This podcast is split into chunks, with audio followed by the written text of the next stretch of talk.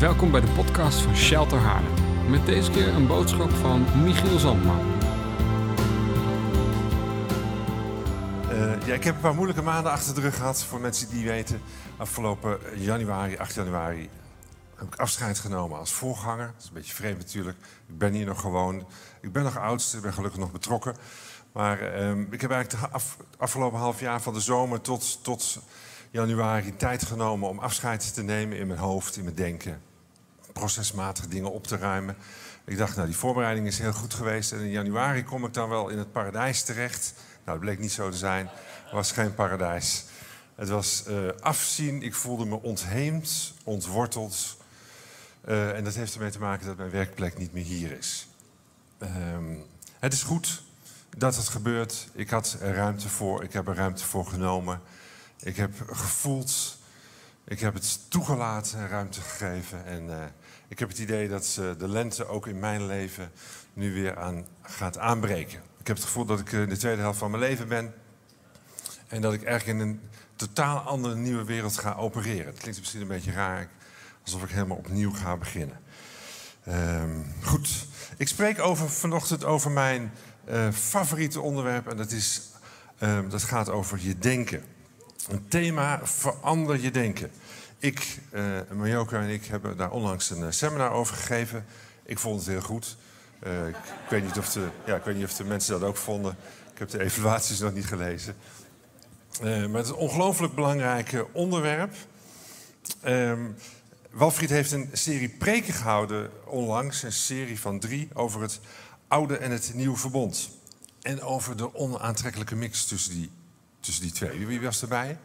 Wie, wie, wie, was enthousiast? Ja, er gaan er meer handen omhoog. Oké, dat wil ik dan graag even terughalen. De flipovers mogen wel ietsje dichterbij komen, jongens. En dat haal ik dan even terug. Oh, oh, oh. Oh, plakt wel heel erg goed.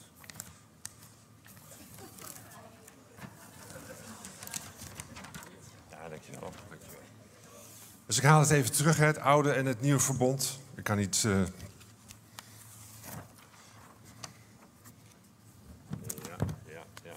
kunt het misschien niet helemaal lezen, maar kunt het ook altijd nog weer terugkijken. Het verschil tussen het oude verbond en het nieuwe verbond. Het nieuwe verbond waarin we mogen leven en het oude verbond dat we eigenlijk achter ons mogen laten. En dat het belangrijk is om die niet te mixen. Nou, de belangrijke sleutel op weg naar meer vrijheid uh, is leven in het nieuwe verbond. Het zal ons meer vrijheid opleveren. Het zal ons meer vrijheid geven. En hoe verander je nu wat je gelooft? En dat is door de verandering van je denken. En uh, het gaat er vaak over, het wordt vaak genoemd. Me meeste mensen weten wel dat de Bijbel ergens zegt dat je je denken moet veranderen, maar hoe dan? Daar gaat het vanochtend over. Heel praktisch, uh, dat je het kan toepassen vanmiddag in jouw eigen leven. Het is heel interessant om te ontdekken wat je denkt en dat te veranderen, als het nodig is. Hè. Je hoeft niet alles te veranderen. Dat is niet altijd makkelijk, dat is niet altijd leuk, maar het is zeker mogelijk. Het is een fantastisch onderwerp. Um, en de titel van mijn preek is Verander je denken, verander je leven. Dus de titel van mijn preek is Verander je denken, zeg het even na. Verander je denken, verander je leven. Ja, het gaat helemaal chaotisch natuurlijk. Hè. Ja. We zijn er allebei mee bezig, Marjoke en ik. Marjoke die komt in, uh, ja, het was mijn bedrijf, maar het wordt nu ons bedrijf. Het is toch een beetje onwennig. In ons bedrijf. En Marjoke die doet een opleiding als coach. Mocht je nog geïnteresseerd zijn in een traject met haar... ik maak even schaamteloos reclame voor de... Ze zoekt nog een paar mensen voor haar opleiding. Kan je tegen gereduceerd tarief door haar gecoacht worden. En dan is het win-win voor jou en voor Marjoke. Goed, de titel van mijn preek is dus... Verander je denken, verander je leven. Hè? Ja, precies. We lezen samen Romeinen 12, vers 1 en 2. De belangrijkste tekst die daarover gaat. En daar staat... Broeders en zusters, met een beroep op Gods barmhartigheid... vraag ik u om uzelf als een levend, heilig en gode... Gods welgevallig offer in zijn dienst te stellen. Dat is de ware eredienst die van u wordt gevraagd. U moet uzelf niet aanpassen aan deze wereld, maar u veranderen door uw gezindheid te vernieuwen. Om zo te denken wat God wil en wat goed volmaakt en hem welgevallig is. Dat is de tekst die vandaag centraal staat. En Paulus die legt in de Romeinenbrief de basis van het evangelie uit. Hij bouwt dit schitterend op hè, als een advocaat die zijn betogen opbouwt. Het is het fundament van het geloof, van ons geloof, van jou en mijn geloof. Hij is nog nooit in Rome geweest. Die gemeente is waarschijnlijk ontstaan in de tijd van Handelingen 2, Pinksterfeest. Al die mensen gingen verspreiden zich over de, over de aarde. En zo kwamen er waarschijnlijk ook mensen in Rome terecht. Er ontstond de gemeente. En Paulus die houdt van deze gemeente, nog voordat hij er geweest is. En ik hou van mensen die van de gemeente houden, want ik hou ook van de gemeente. Ik hou van de gemeente eh, overal in Nederland en daarbuiten, van allemaal verschillende kleuren en smaken. En ik hou daarom ook van Paulus, omdat hij van de gemeente houdt. Het goede nieuws is, iedereen kan verlost worden van hun zonde. Wie je ook bent en wat je ook gedaan hebt en wat je achtergrond ook is.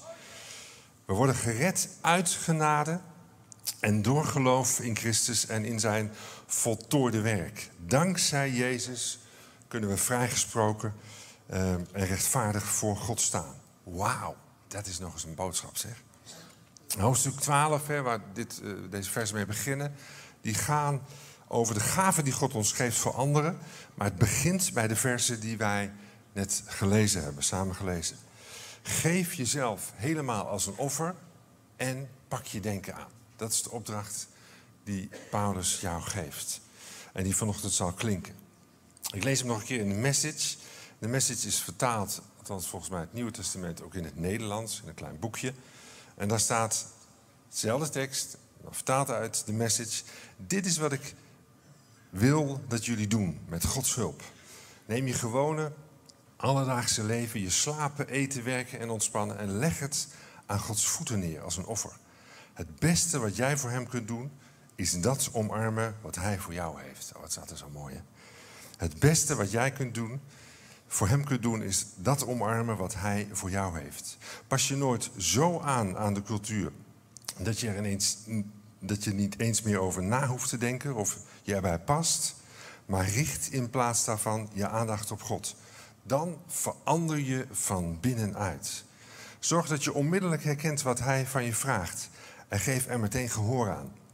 De cultuur waar jij deel van uitmaakt, probeert je altijd mee te sleuren naar haar niveau van onvolwassenheid. Maar God haalt het beste in je, boven, in je naar boven. Hij brengt je tot volwassenheid. Het staat er zo fantastisch geformuleerd in de message. Ik ben verantwoordelijk voor wat ik denk en wat ik in mijn systeem toelaat. En dat geldt ook voor jou. Jij bent verantwoordelijk wat er in je denken zit en wat je daarin laat, toelaat. En ook wat je er uh, soms uit moet halen, omdat dat de opdracht is van, uh, van Paulus. Paulus die geeft ons de opdracht om ons denken in lijn te brengen met het koninkrijk. De principes van het koninkrijk. En dat is koninklijk denken. In Johannes 16, vers 36, dat zei hij ook. Jezus zelf zei het, hè? Mijn koningschap hoort niet bij deze wereld. Als mijn koningschap bij deze wereld hoorde, zouden mijn dienaren wel gevochten hebben. Jezus die bracht een koninkrijk wat anders was dan de discipelen en alle mensen dachten dat hij kwam doen. Het ging allemaal heel anders. En soms komen de mensen bij me en die vragen dan gebed speciaal voor hun denken. Nou, ik zal niet zo snel bidden voor de verandering van je denken. Ik wil je wel supporten, ik wil naast je staan. Ik wil voor je bidden om het samen met God te doen. Maar het is jouw verantwoordelijkheid om je denken te veranderen. Dit is de samenvatting van mijn preek. Altijd goed, hè? En samenvatting in drie woorden. Als je dit onthoudt, ben ik al lang blij. Het is een beetje onhandig natuurlijk hè, dat deze ervoor staat. Maar je hebt de gedachte, daar komt actie uit voort. En als je het bij elkaar optelt, ik zal even de streep eronder zetten. Je telt het bij elkaar op, dan heb je gedrag. Dit is de meest simpele uh, samenvatting van mijn, van mijn preek. Is die gedachte negatief, dan leidt het vaak tot een negatieve actie en is het gedrag ook negatief. Niet in alles wat je doet, hè, maar in een bepaald deel van wat je doet. Is die gedachte positief, dan is de actie waarschijnlijk ook positief en het gedrag ook positief. Je kunt ook andersom, andersom denken. Ja, ik zal het zo even verplaatsen, de lex. Ik, ik realiseer me dat het in de weg staat. Is je gedachte positief, dan leidt het waarschijnlijk tot een positieve actie en positief gedrag. Je kunt ook andersom redeneren. Je gedrag komt dus voort uit de gedachten die je hebt. Je gedachte bepaalt het gedrag wat je vandaag vertoont. Laat zien aan andere mensen. Ik noem ons denken, het zit ergens hier hè, in je hoofd. Ik weet niet precies waar het zit. Het zal een beetje schelen per persoon misschien. De cockpit van je leven. De cockpit van je leven en daarmee bestuur je jouw leven in alles wat je doet. Je denken is daarin bepalend. Je, je, je, je denkt, je bedenkt en je neemt beslissingen in je leven. Dat is wat je doet. Dat leidt dus tot gedrag. En Paulus wil dat ons denken een transformatie ondergaat. Een koninklijk denken naar je leven, naar de wereld kijken, naar anderen kijken zoals God dat doet. De Passion Translation zegt in vers 2 van Romeinen 12: But be inwardly transformed by the Holy Spirit through a total reformation of how you think.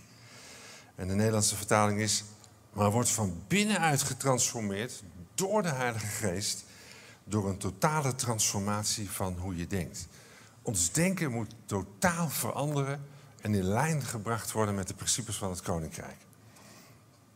In het Grieks staat er in Romeinen 12, vers 2 het woord uh, veranderen door je gezindheid te vernieuwen, zoals het in de MBV staat. Daar kom je het woord metanoia tegen. En dat betekent een verandering van je denken, ook een bekering. Dus je, je liep van God vandaan, je keert je om, een totale verandering van je denken uh, en je leefstijl. Bekering en dat betekent de verandering van je denken en uiteindelijk is dat te zien aan, aan je leven. Vernieuwing van je mindset, dat is een serie van gedachten die je hebt, die je gedrag richting geven. Je zet je oude wereldse uh, gedachtenpatroon omzet in nieuwe. Ik herhaal even wat ik net heb gezegd, dat is dan hier te zien op deze flip over. Onder het oude verbond hoort het vasthouden van van je eigen leven. Het is een beetje moeilijk om het tegenovergestelde van een offer te verwoorden. Dit is de andere lijst, die komt zometeen aan deze kant. Maar je, je houdt je leven niet langer vast, maar je geeft het. Je geeft jezelf als een offer aan God. Dit is de oude manier van leven, je leven vasthouden, werelds denken. Je denken komt overeen met hoe de wereld denkt, hoe de wereld om je heen denkt. Een oude mindset is dat. En dat leidt tot onvolwassenheid. Je blijft onvolwassen. Dat is wat er gebeurt. En dit is wat, waar, waar Paulus, dit is waar Jezus ons uitnodigt om het tegenovergestelde te doen. Het nieuwe verbond daarbij hoort dat je jezelf geeft als een offer aan, aan God. Hij zegt, ik ben zelf niet meer, ik zit zelf niet meer achter het stuur van mijn leven, maar ik geef mijzelf aan u. En dat betekent koninklijk denken. Ja, er zijn een paar letters weggevallen, maar ik kon het niet groter printen.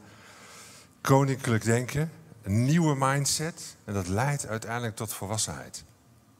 Dus je beweegt van hier naar daar om, het, om je leven te veranderen, om zichtbaar te maken wat Jezus voor jou gedaan heeft, zodat het zichtbaar is in jouw leven. We hebben een upgrade van ons besturingssysteem nodig. Nou goed, even kijken of u er nog bij bent. Ik heb een paar gedachten die lees ik u voor en dan is het de bedoeling dat u dan kijkt, hoort het bij deze of hoort het bij die, bij die. En dat doet u dan zo, u steekt dan deze hand op. Ja, het is altijd een beetje met links en rechts. U steekt uw eigen hand op, hè? niet deze hand, maar ik bedoel, uw eigen hand steekt u even op. en dan de hand aan deze kant, hè? uw kant, dat is dan, ik ben zo slecht in rechts en links. Tijdens mijn eerste rijles zei de instructeur, we gaan nu links. En toen ging ik rechts. En dat is nooit meer goed gekomen. Dus rechts en links is een beetje moeilijk voor mij. Maar u steekt uw hand op zoals het bord staat. Hè? Hier komt hij, de eerste. Hoe moet het allemaal? Dat is de gedachte die ik heb. Hoe moet het allemaal? Hoort hij bij deze? Steek je deze hand op? Of hoort hij hierbij? Sommige mensen zitten nog een beetje te twijfelen. Een beetje aarzelen. Het mag best wel een beetje hoger hoor, die hand. Goed zo. De volgende. Ik kan het niet. Ja, dat is een beetje misschien een twijfelgeval. Hè? Want het is soms ook realistisch te zijn, realistisch om te zeggen dat je iets niet kunt. Hè? Maar als je, als je hieraan denkt, ik kan het niet, ja, dan zit het toch misschien wat meer aan deze kant. Andere gedachte, ik laat me niet de wet voorschrijven. Waar zit hij? Ja, ik zou zeggen aan deze kant. Omdat je je niks wil laten gezeggen eigenlijk, hè? Dat bepaal ik zelf wel, hè? Zo'n beetje dezelfde variant. Ik laat me niet de wet voorschrijven. Maar ja, het zou ook heel krachtig kunnen zijn dat je je eigen keuze maakt. Hè? Het zou kunnen. Ik ben geliefd. Hoort hij? Ja, deze kant, hè? Ik ben geliefd omdat God dat over mij zegt. Ik moet naar het Allerhoogste streven. Hoort hij? Ja, het is goed om, om kwaliteit te leveren voor het koninkrijk, maar eigenlijk, ik denk dat hij hier hoort. Ik moet naar het Allerhoogste streven. Dat zou een perfectionist kunnen zijn die dat zegt. Hè? En door God zijn we geliefd, ongeacht wat wij doen. En de laatste, ik kom echt nooit tekort. Hoort hij? Ja, dat is deze, hè? Aan deze kant zit hij dan. Zo kun je je gedachten eigenlijk testen. Horen ze aan die kant bij het oude verbond, bij de oude mindset, of horen ze bij die nieuwe mindset die God voor ons heeft. Maar die jij mag vormen in je hoofd. We hebben een upgrade van ons besturingssysteem nodig. Ik heb mijn laptop even meegenomen. Nou ja, ik heb helemaal niks aan die laptop als er geen besturingssysteem op staat. Ik kan hem openklappen, maar als er geen besturingssysteem op staat, dan heb je daar niks aan. Wat is er op jouw besturingssysteem geschreven? Wat is er te lezen op jouw besturingssysteem? Ik las ergens, ik googelde even hoe lang bestaan besturingssystemen al. Het oudste nog werkende besturingssysteem, dat vond ik dan ergens, is een PC-DOS 1.0. Dat blijkt ook nog te werken, ook ergens op een computer.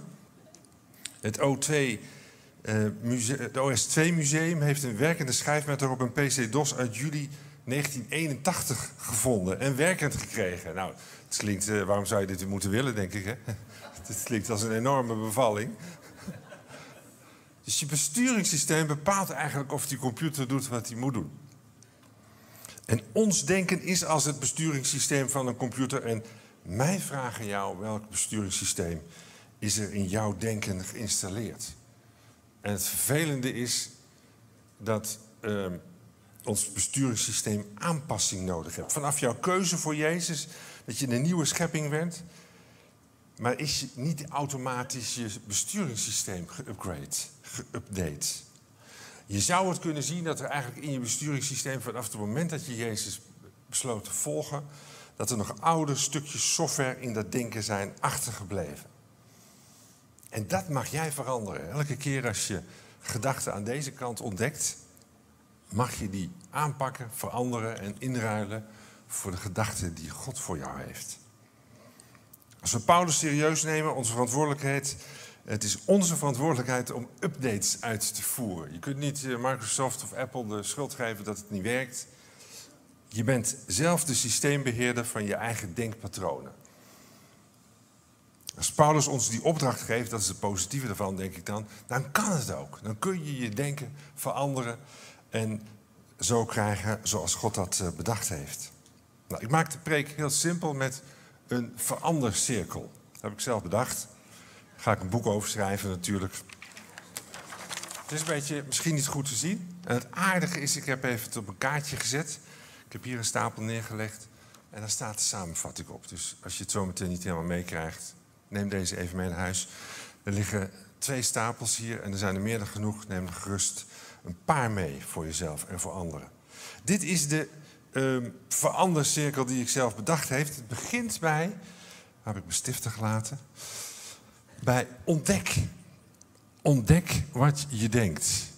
Daar begint het mee. Ontdek welke gedachten je hebt.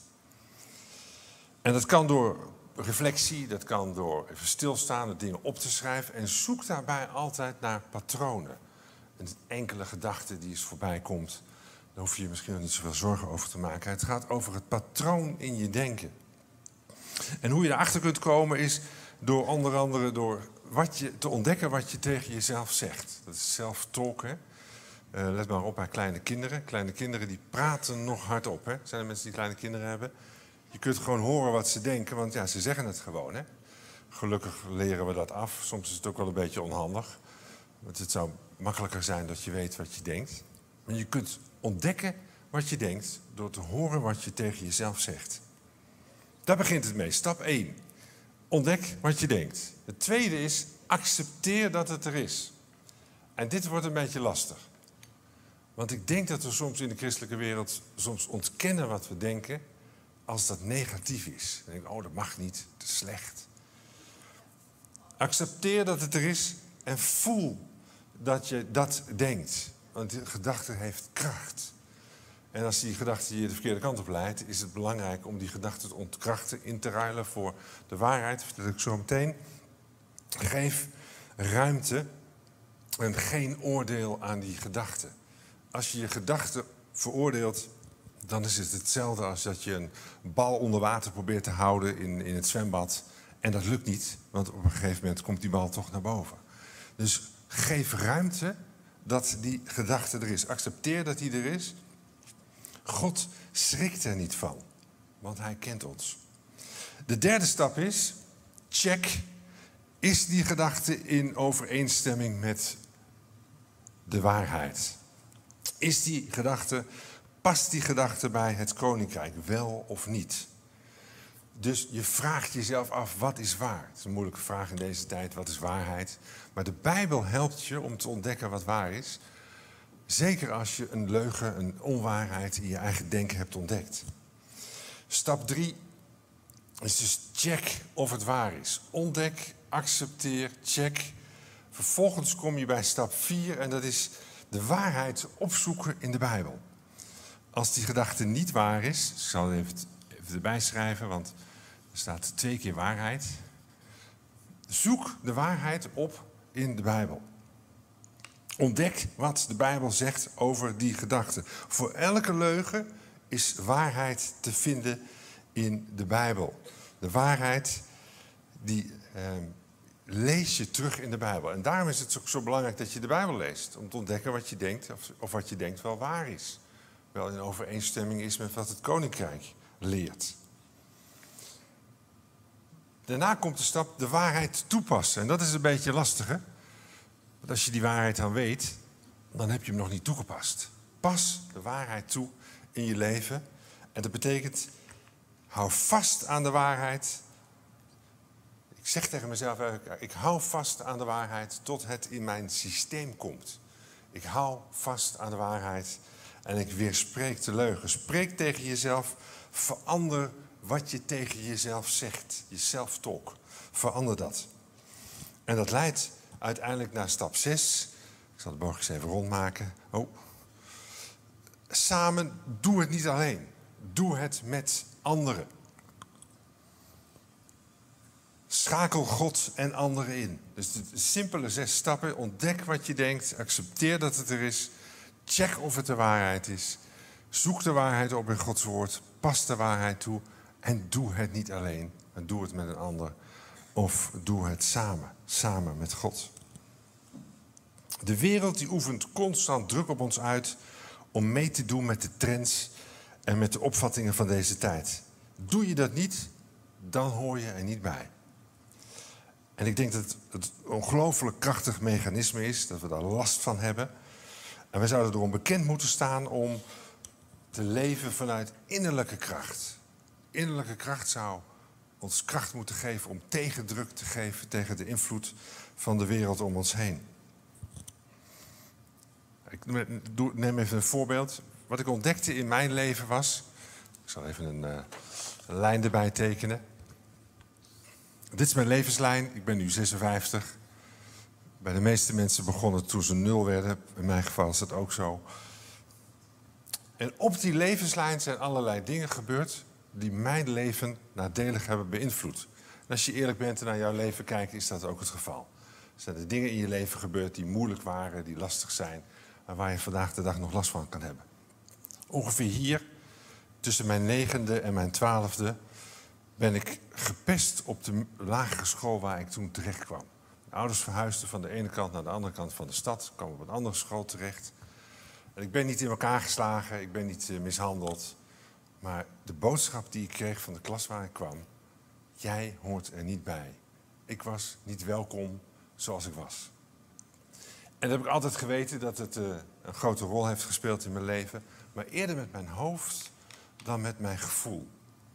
Ik kon niet zo goed bij mijn gevoel. En het heeft een hele grote invloed gehad op mijn leven. En daardoor heb ik onder andere gedacht. De gedachte is wortel, is wortel in mij geschoten. En dat is de gedachte: ik moet het alleen doen. Dus dat is een gedachte die ik zelf ontdekt heb in mijn eigen leven. Ik heb veel meer gedachten die een rol spelen, die een nadelige rol spelen in mijn leven. Maar, en die is hierop terug te voeren. Op dat moment. Ik denk zo af en toe nog steeds dat ik het alleen moet doen. Dat ik het maar beter alleen kan doen. Dat anderen niet te vertrouwen zijn. Dat ik het beter weet. En dat is niet zoals God het bedacht heeft. Dus als ik die cirkel op mijn eigen leven toepas, dan ontdek ik dat ik denk, ik doe het alleen. Ik heb moeite om het te accepteren, want ik weet dat God iets anders van mij vraagt. Hè? Bijvoorbeeld in de tekst, um, waar heb ik hem staan? En hoewel ik leef, dat zegt Paulus in Colossense 2 vers 5, hoewel ik lijfelijk niet aanwezig ben, ben ik in de geest wel bij u. En ik zie met vreugde hoe hecht u met elkaar verbonden bent en hoe onwrikbaar uw geloof in, in Christus is. Paulus roept ons op talloze teksten, in talloze plekken roept hij ons op om dingen met elkaar te doen. Dat we gegeven zijn aan elkaar, dat we bij elkaar horen en dat we het vooral niet allemaal alleen moeten doen. Dus ik ontdekte op die levenslijn dat dit evenement in mijn leven een grote impact heeft. En nog steeds impact heeft op het leven van vandaag. Hoe merk je dat het een leugen is wat je denkt? Hoe merk je dat het een belemmerende overtuiging is? Dat is vaak dat het een op pijn gebaseerd besluit is, wat mij, niet in, mij en jou niet in de goede richting helpt. Als je merkt dat je op basis van pijn een keuze maakt, dan wil dat vaak iets zeggen dat daar nog veel, dat er nog genezing mag ontvangen, dat je nog genezing mag krijgen. Maar misschien zeg je tegen mij, Michiel, ik heb al van alles geprobeerd om mijn denken te veranderen. Het lukt me maar niet, maar hoe moet dat? En dan zeg ik tegen je, het kan dat het moeilijk is, maar ik heb niet gezegd dat het makkelijk is. Maar dit is wat ik heb gemerkt. En dan ga ik terug naar die levenslijn. Dat het heel erg bepalend is welk moment je christen wordt. Ik was 13 jaar toen ik een bewuste keus maakte voor Jezus. Vanaf die tijd tot, tot nu heb ik de tijd gehad om mijn denken te veranderen. Dus vanaf het moment dat je een keuze maakt voor Jezus, wil niet zeggen dat je denken automatisch verandert. En je moet er wat voor doen, je moet er keuzes voor maken. Het vraagt iets van jou om het te doen. Maar dus vanaf het moment dat je een keuze maakt voor Jezus, heb je tijd om je denken te veranderen. Dus dat is wat een rol speelt. Wanneer kom je tot geloof? Als ik op mijn vijftigste tot geloof zou gekomen zijn, dan betekent dat in al die tijd tot mijn vijftigste er van alles anders in mijn denken gekomen zou zijn, wat niet overeenkomt met de principes van het woord. En ik denk wat heel erg belangrijk is in wat voor gezin je bent opgegroeid. In de vele mensen die ik spreek in mijn coachingspraktijk blijkt dat heel vaak mensen nog steeds last hebben van de dingen die ze niet hebben gekregen in hun eigen gezin. Dus wat voor gezin ben je opgegroeid? Was het warm? Was er ruimte voor jou om veilig te hechten? En als dat niet zo geweest is, dan zijn er ook allerlei dingen in je systeem gekomen die nadelig effect kunnen hebben op het leven van vandaag. Je kunt er niks aan doen wat er in je denken terecht is gekomen, maar je kunt er wel wat aan doen om het eruit te halen. En het eruit te halen door die stappen te zetten om van, van 1 tot en met 6 die stappen te doorlopen en die gedachten aan te pakken. En ik raad je aan, begin met één gedachte tegelijk. De gedachte die, waar je echt last van hebt. En hoe je dat kan doen om jezelf eraan te herinneren is simpel een elastiekje om je arm te doen. En elke keer als je denkt, verplaats je hem van de ene hand naar de andere hand. Dan denk je, oké, ik ben me heel erg bewust van de gedachten die ik wil veranderen. En ik gebruik dit elastiekje om het te illustreren, om er elke dag mee bezig te zijn. En de gedachte die een leugen is, te ruilen voor de waarheid die God voor jou heeft. Het kan extra moeilijk zijn om je denken te veranderen als je te maken hebt gehad met trauma. Jok en ik zijn geen psychologen, we zijn coaches die je kunnen helpen om inzicht te krijgen in je denkpatronen. Maar als een trauma is, is het nog wel ingewikkelder om je denken te veranderen. Hè? Dus ik, ik, het is een, ik, ik zeg het er even bij, omdat het belangrijk is om te weten. Het is belangrijk dat je weet waar je vandaan komt. Efeze 2, vers 3. Eens leefden wij alle net als zij. Wij volgden onze wereldse begeerten. Dat gaat hierover, hè? het oude denken. We volgden onze wereldse begeerten en alle aardse verlangens die in ons opkwamen. En stonden van nature bloot aan Gods toorn, net als ieder ander. Het is goed om soms te weten, te bedenken waar je vandaan komt. En te meten bij jezelf, te weten bij jezelf welke gedachten je veranderd hebt. En dat je nu aan deze kant leeft. Waarbij je koninklijk denkt, een nieuwe mindset is. Waarbij je je eigen leven als een offer gegeven hebt. Waarbij je ontdekt dat het een proces van volwassenwording is. Vergeet niet waar je vandaan komt en in welke mate je denken veranderd is. Efeze 4, vers 22 en 23 zegt: Leg je oude gedrag af en verander je denken. Lijkt, het lijkt alsof of, of iemand dat voor buiten voor je doet, maar ik denk dat het de samenwerking is tussen de Heilige Geest en jou. Je staat de Heilige Geest toe dat hij in jou iets verandert en jij doet het samen met de Heilige Geest. In Efeze 4 staat er: Geef dus uw vroegere levenswandel op en leg de oude mensen af die te gronden gaat aan bedriegelijke begeerten. Laat u voortdurend vernieuwen in uw geest en uw denken. Het lijkt alsof het van buiten automatisch gebeurt, maar het is jouw verantwoordelijkheid om het samen met de Heilige Geest te doen. Plaats tegenover elke leugen de waarheid van God. En ik zou zo graag willen dat we in deze gemeente elkaar daarbij zouden helpen. Om als je iets hoort wat een leugen van iemand anders zou kunnen zijn, dat we het daarover zouden kunnen hebben. Ik bedoel niet te zeggen dat je bij alles wat iemand zegt moet zeggen dat het een leugen is. Dat gaat denk ik niet echt helpen. Maar meer van, zouden we elkaar erop kunnen wijzen wanneer je een, iets uitspreekt wat eigenlijk getuigt van ongeloof, van een onwaarheid die hier nog hoort, maar nog geen mindsetverandering heeft plaatsgevonden. Het zou zo mooi zijn als we er elkaar daarbij zouden kunnen helpen. Dit is wat ik heb ontdekt in de vele mensen die ik gesproken heb. Dat er twee grote thema's zijn waarmee mensen worstelen. In de eerste plaats is dat hun identiteit, wie ben ik? En in de tweede plaats is het vertrouwen op God. Vertrouw je volledig op God. En is jouw identiteit wel in lijn met wat God voor jou bedacht heeft? Eerste, hè, mensen met een negatief zelfbeeld, die zeggen eigenlijk tegen zichzelf: Ik ben niet goed genoeg, er is iets mis met mij, ik doe het niet goed, ik ben niet mooi, ik ben niet slim, enzovoort, enzovoort. Maar dat gaat dan over de identiteit. Je kunt geen complimenten ontvangen omdat daar nog weinig bodem is om dat te ontvangen. je innerlijke criticus spreekt heel luid. En die andere groep is dat je je zorgen maakt, dat je oplossingen wil verzinnen, dat je de controle wil houden, dat je harder gaat werken. Ik moet het zelf verdienen, zegt iets over het vertrouwen wat je in God hebt. En hoe bezorgd je eigenlijk misschien wel bent en in je leven staat. Ziet God mij wel?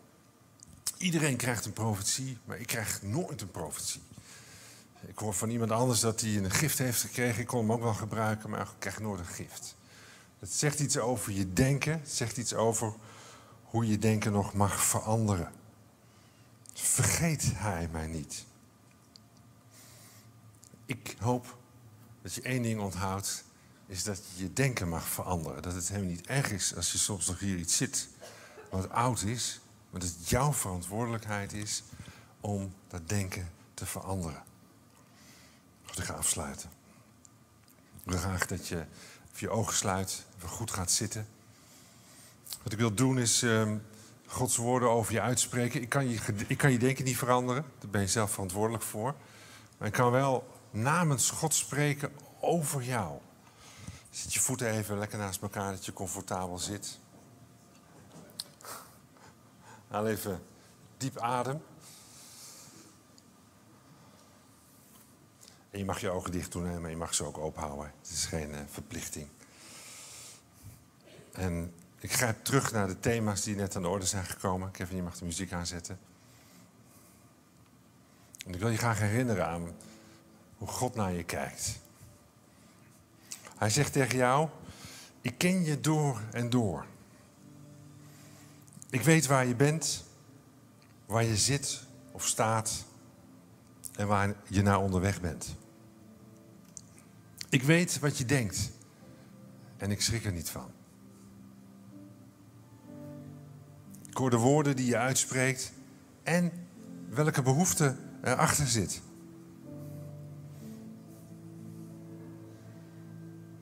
Ik leg mijn hand op je als teken van mijn betrokkenheid. Ik ken je zo goed dat je het maar moeilijk kunt begrijpen. Je hebt mijn volle aandacht. Altijd. Je merkt het misschien niet, maar ik ben er voor jou.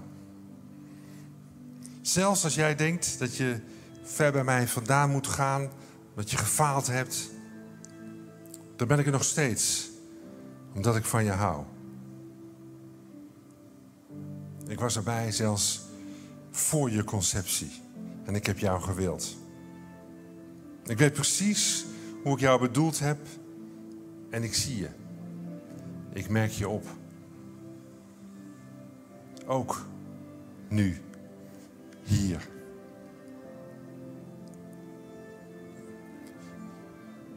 Ik weet wat je nodig hebt. Nu in, en in andere situaties. Ga niet bij me weg. Als je niet meer weet wat je moet doen, maar nodig mij uit. Als je mij nodig hebt. En ik zal er voor je zijn. Dank voor het luisteren naar onze wekelijkse podcast. De missie van Shelter is Gods Koninkrijk zichtbaar maken in onze wereld. Wil je onze gemeente financieel ondersteunen in deze missie? Ga dan naar www.shelter-haarlem.nl geven.